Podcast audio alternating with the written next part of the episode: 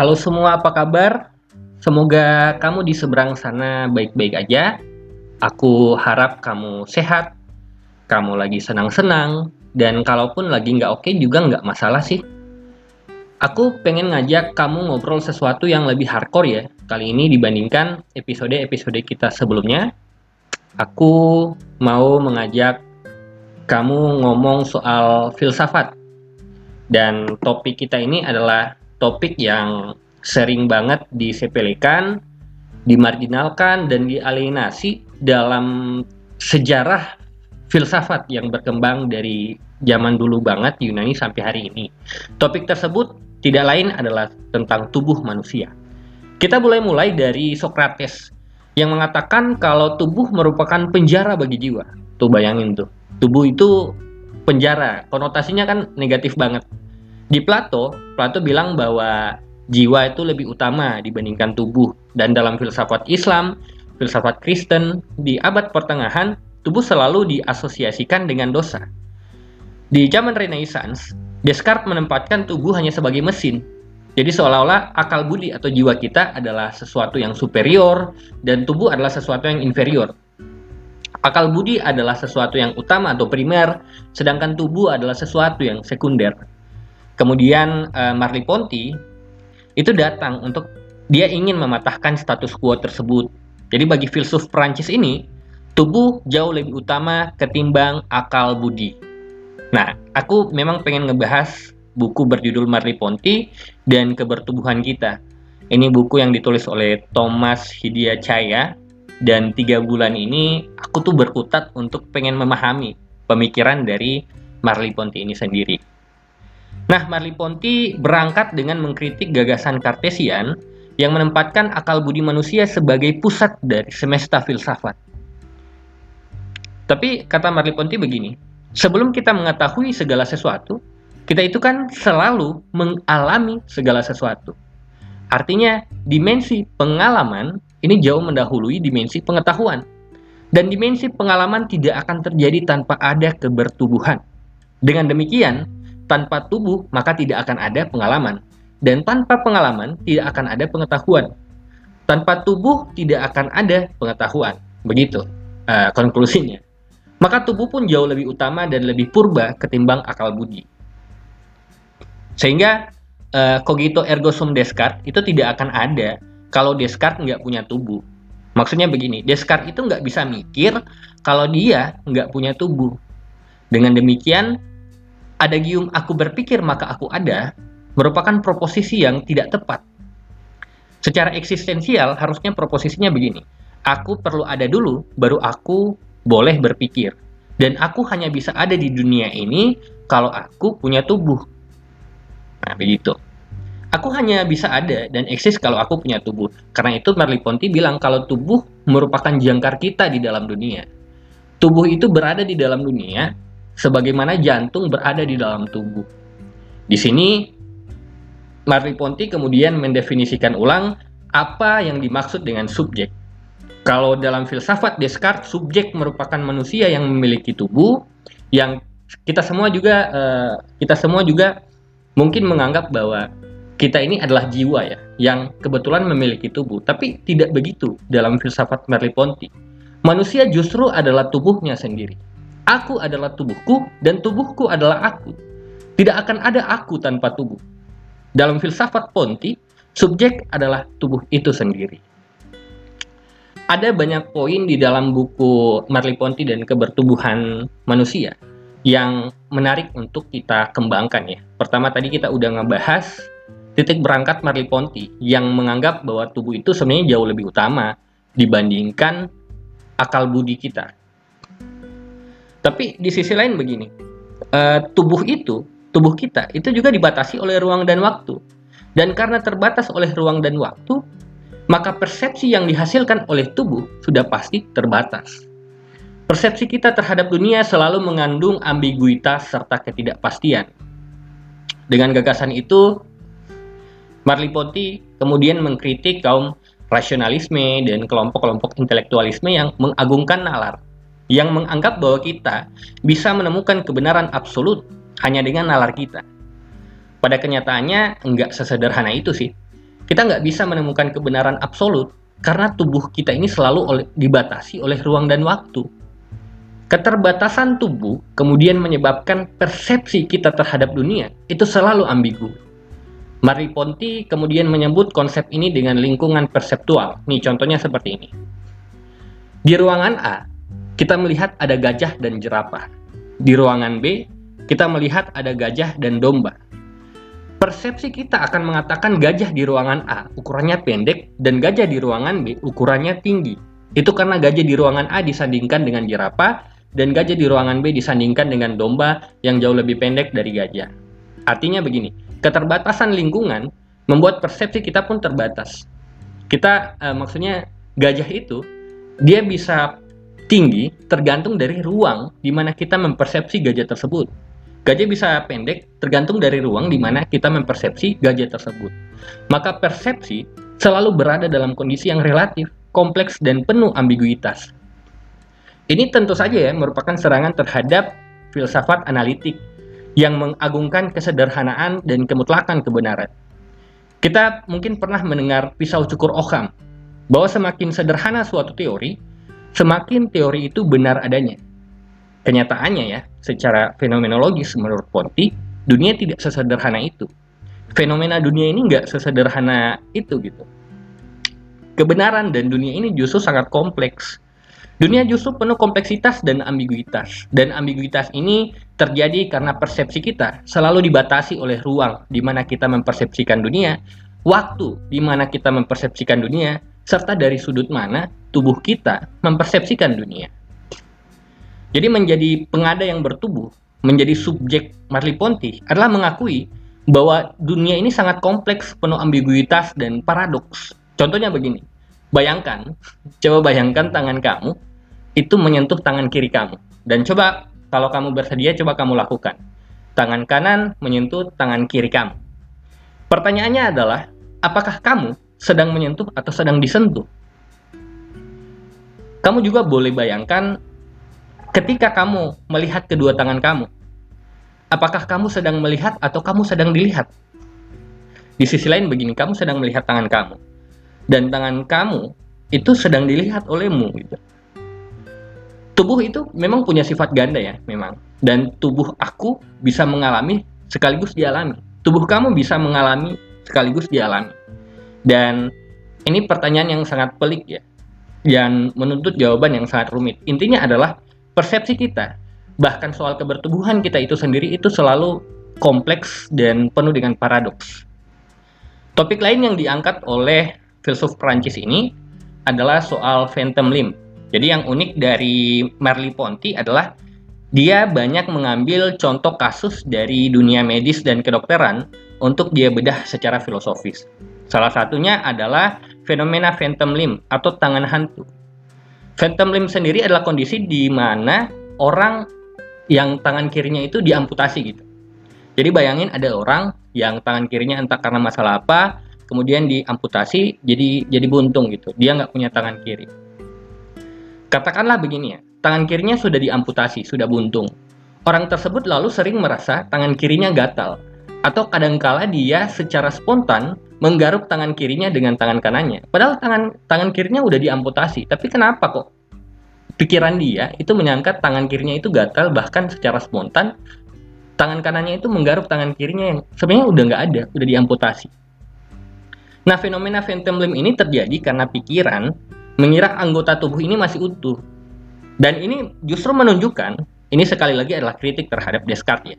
Ini menunjukkan bahwa ingatan mengira tangan kiri kita masih ada. Artinya terdapat timbal balik antara dimensi psikologis kita, ingatan, dengan dimensi fisiologis. Dan ini bisa menjelaskan kenapa psikosomatik terjadi. Kenapa orang itu bisa menderita uh, asam lambung dan uh, kecemasan ya yang dan kecemasan ini sesuatu yang bersifat psikologis bisa mempengaruhi asam lambung yang bersifat sangat fisiologis. Nah, kasus Phantom Limb ini juga merupakan kritik terhadap dualisme Cartesian yang menganggap kalau mental atau kesadaran atau nalar dan tubuh itu nggak ada hubungan sama sekali. Merleau Ponty justru bilang ada, buktinya lewat lengan, lengan hantu ini. Topik lain juga yang menurutku menarik adalah um, relasi antara tubuh dan dunia. Kita itu sepertinya nggak mungkin ya punya kesadaran tanpa tubuh. Dan kita itu nggak bisa memahami dunia serta menjelaskan pemahaman kita soal dunia tanpa konteks kebertubuhan. Misal kita kan nggak bisa ya memahami Tuhan tanpa mengendalikan Tuhan itu punya tubuh.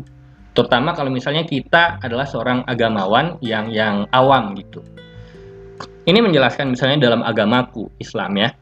Kenapa uh, ketika Musa dan Tuhan itu meet up di Kopdar di Gunung Sinai, itu digambarkan kalau wajah Tuhan membuat Gunung Sinai itu hancur. Kenapa Tuhan itu seolah-olah diandaikan punya tubuh, punya wajah? Atau lihatlah ke timur dan barat kau akan melihat wajahku, atau Tuhan digambarkan seolah-olah punya tangan atau Tuhan digambarkan seolah-olah punya jenis kelamin. Misalnya di di surat Kulhuwallah. Kulhuwa itu kan artinya dia laki-laki. Seolah-olah Tuhan itu punya tubuh dan tubuhnya itu tubuh yang memiliki falus gitu. Ini mengandaikan bahwa kita bahkan nggak bisa memikirkan sesuatu yang abstrak itu tanpa bantuan kebertubuhan gitu. Kita hanya bisa memahami dunia itu lewat tubuh kita. Nah, maksudnya seperti itu. Konsep lain lagi dari Marley Ponti adalah dikotomi antara know what versus know how tentang uh, mengetahui pengetahuan kognitif dan pengetahuan ragawi kalau aku boleh menyebutnya seperti itu ya. Nah ini juga merupakan lanjutan dari kritik pada Descartes ya. Marley Ponti itu sebenarnya pengen bilang kalau kesadaran tidak melulu bersifat kognitif dan cerebral. Pengetahuan itu juga bersifat psikomotorik, bersifat ragawi. Jadi ada dikotomi jelas antara know what dan know how. Know what itu adalah mengetahui dunia ya, secara kognitif atau secara cerebral. Contoh, kendati kamu itu bisa memberi 100 proposisi tentang mengendarai sepeda, hal itu belum menjamin kamu bisa bawa sepeda. Bahkan kita bisa mengendarai sepeda tanpa tahu satupun teori tentang membawa sepeda. Ini menjelaskan ya, kenapa atlet yang bagus belum tentu jadi coach yang bagus. Dan begitu pula, coach yang bagus belum tentu jadi atlet yang bagus. Mengetahui segala informasi tentang sepeda tidak sama dengan mengetahui bagaimana cara mengoperasikan sepeda. Untuk know what, kita cuma cukup memakai akal budi kartesian, tapi untuk mengendarai sepeda, kita itu butuh tubuhnya Marie Ponti. Konklusinya apa? Konklusinya tubuh tuh punya kecerdasannya sendiri. Dan kecerdasan tubuh atau pengetahuan ragawi ini jauh lebih purba dan jauh lebih mendahului pengetahuan kartesian. Misalnya di dalam psikologi kepribadian ya, itu kan ada apa ya istilahnya? Ada tahap-tahap perkembangan uh, akal budi seorang manusia tuh seorang anak kecil tuh belum tahu, belum aware dengan diri dia sendiri, belum punya kemampuan reflektif yang cukup ya untuk memikirkan dunia gitu. Uh, akal budi kartesian sendiri itu justru muncul di usia katakanlah 12 tahun, 13 tahun. Nah, baru saat itu knowat atau kecerdasan kognitif kas kartesian itu muncul. Tapi sebelum itu, kecerdasan kita itu lebih ke kecerdasan ragawi. Kita itu belajar bukan lewat akal budi kartesian nggak seperti itu. Kita tuh belajar, terutama anak kecil ya. Makanya penting bagi anak kecil itu belajar lewat bermain. Uh, bagi anak kecil, know-how, know-how itu adalah pengetahuan yang lebih utama. Anak-anak justru belajar dengan cara bergerak, menggunakan tubuh, bukan menggunakan uh, pikiran abstrak kartesian tersebut gitu. Nah, know-how ini juga bersifat sangat subjektif ya jadi dalam buku Amarli Ponti ini dicontohkan soal juri masak. Jadi bayangin seseorang boleh saja belajar gastronomi ya, ilmu tentang masakan selama 4 tahun dia kuliah di situ, tapi belum bisa menjamin dia menjadi juru masakan yang handal. Chef Arnold, Chef Juna, Chef Renata, dan Gordon Ramsay itu tidak bisa menjadi juri masak yang hebat tanpa kekayaan pengalaman subjektif soal makanan. Artinya, um, dalam dunia sehari-hari, subjektivitas tubuh kita itu justru uh, lebih lebih apa ya lebih melekat kepada kita itu dalam kehidupan sehari-hari ketimbang kemampuan kognitif ala kartesian dan kita juga mungkin ya menurutku kita bisa mem mempertanyakan kembali ya dunia pendidikan yang lebih mengutamakan kecerdasan knowat kartesian yaitu seolah-olah anak-anak yang superior itu hanya yang hanya yang pandai matematika dan linguistik, tapi anak-anak yang pandai dalam soal kebertubuhan, misalnya atlet atau mungkin uh, musikus dan lain sebagainya, itu justru dianggap marginal.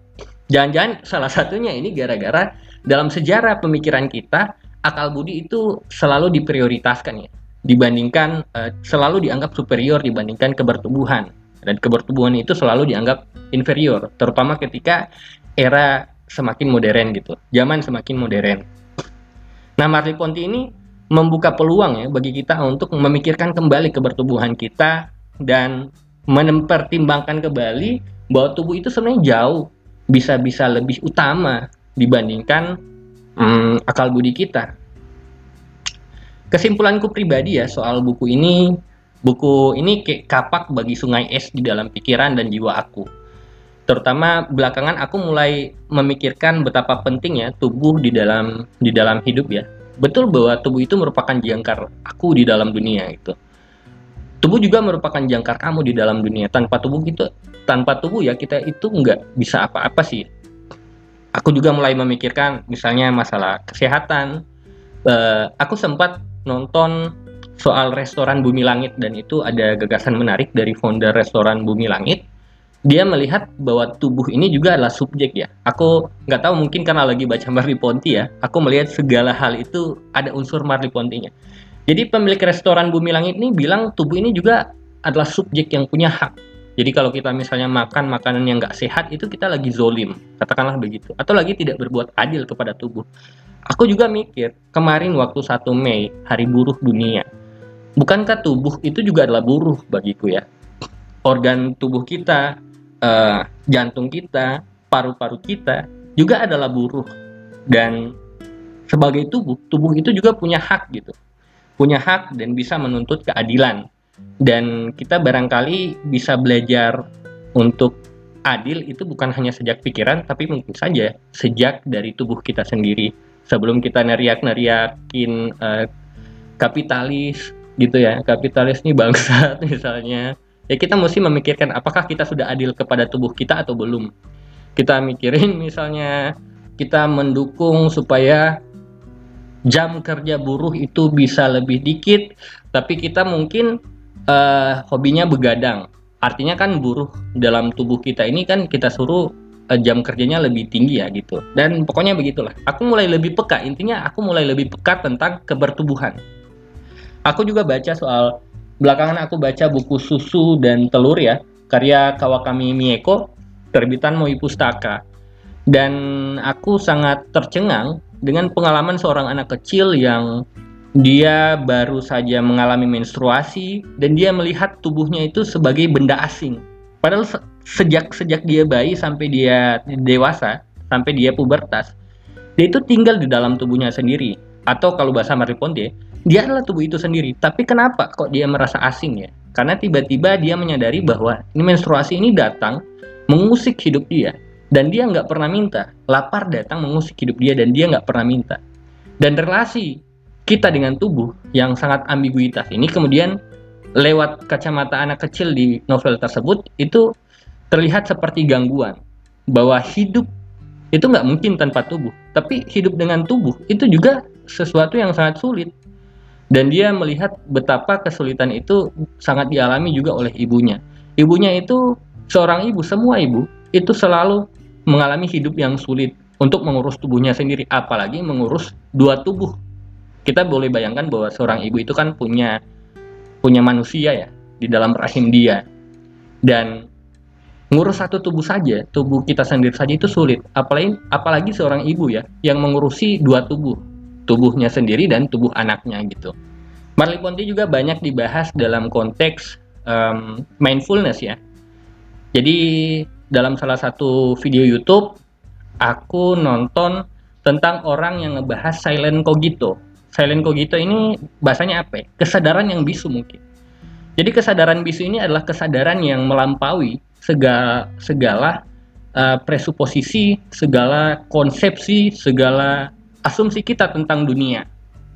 Segala refleksi kita tentang dunia.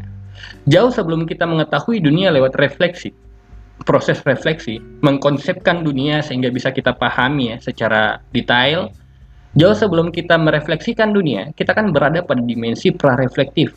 pokoknya hidup hidup aja uh, nggak perlu capek-capek menjelaskan dunia dan mengkotak-kotakan dunia gitu itu dimensi reflektif tapi di dimensi pra-reflektif kita itu sebenarnya nggak mengetahui dunia tapi ya kita alami aja gitu. nah ini yang dimaksud di pertama tadi dimensi pengalaman mendahului dimensi pengetahuan dan dimensi pengalaman ini dimensi yang mendahului dimensi pengetahuan ini disebut dengan dimensi pra-reflektif dimensi pra-reflektif inilah yang disebut dengan kesadaran bisu nggak merefleksikan dunia, kita hanya mengalami dunia apa adanya. Kita nggak melakukan memperbanyak pengetahuan kartesian kita terhadap dunia.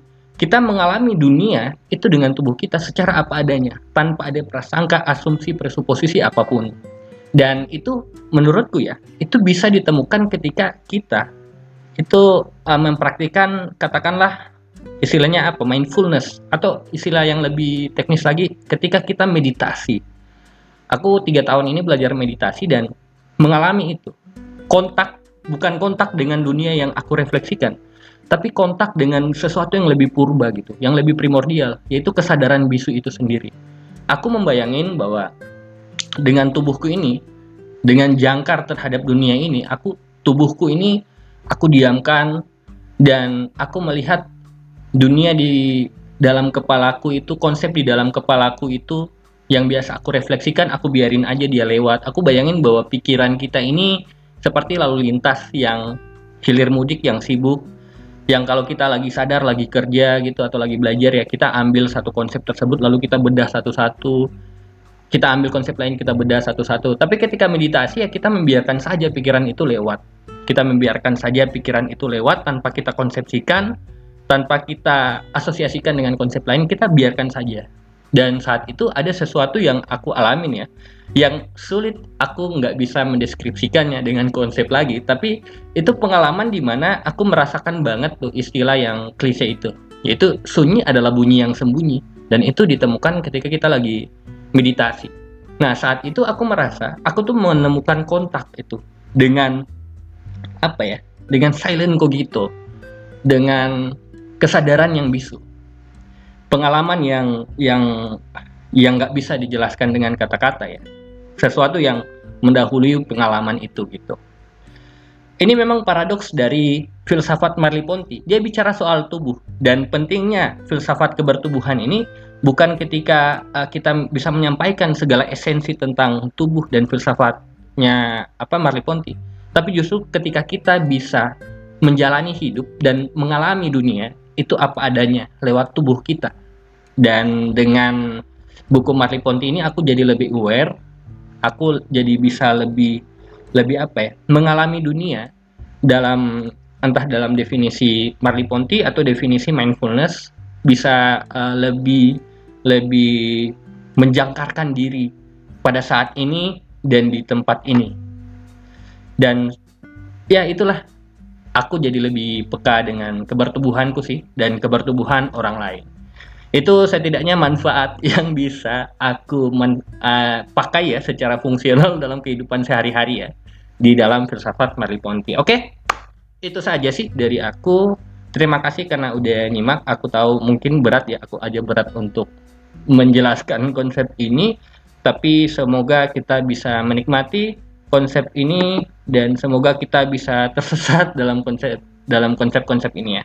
Terima kasih teman-teman udah nyimak dan semoga kita bisa ketemu lagi di diskusi-diskusi selanjutnya. Bye bye.